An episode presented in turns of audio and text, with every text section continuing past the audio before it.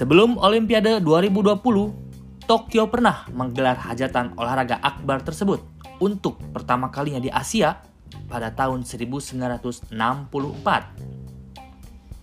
Banyak warisan yang ditinggalkan oleh acara empat tahunan tersebut kala itu.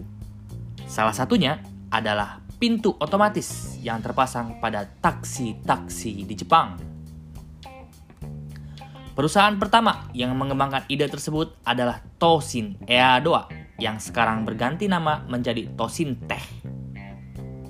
Minoru Okada, direktur sekaligus pendiri Toshin Tech, adalah pencetus ide brilian tersebut. Ide tersebut sudah ada sebelum Tokyo Olimpiade 1964 digelar, tepatnya pada tahun 1959. Pada saat itu, supir taksi membuka dan menutup pintu untuk penumpang sebagai bentuk pelayanan. Namun, Okada berpikir bahwa hal tersebut tidak praktis dan malah menjadi beban untuk sang supir, serta khawatir dapat membahayakan keselamatan penumpang.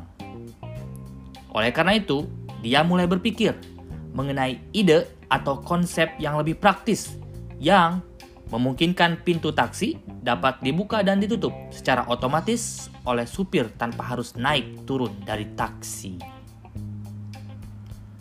Maka dari itu, muncullah gagasan untuk membuat alat yang dapat membuat pintu taksi terbuka dan tertutup otomatis.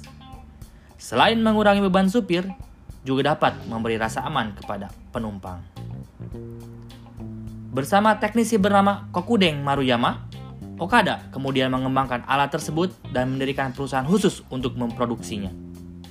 Pada awalnya, alat tersebut banyak ditolak oleh perusahaan taksi karena terlalu mewah, serta memerlukan biaya install dan perawatan yang sangat mahal.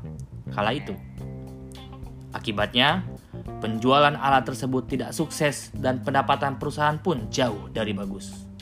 Namun, beberapa tahun kemudian, konsep taksi dengan pintu otomatis kembali populer. Penyebabnya adalah tidak lain karena penyelenggaraan Tokyo Olimpiade 1964.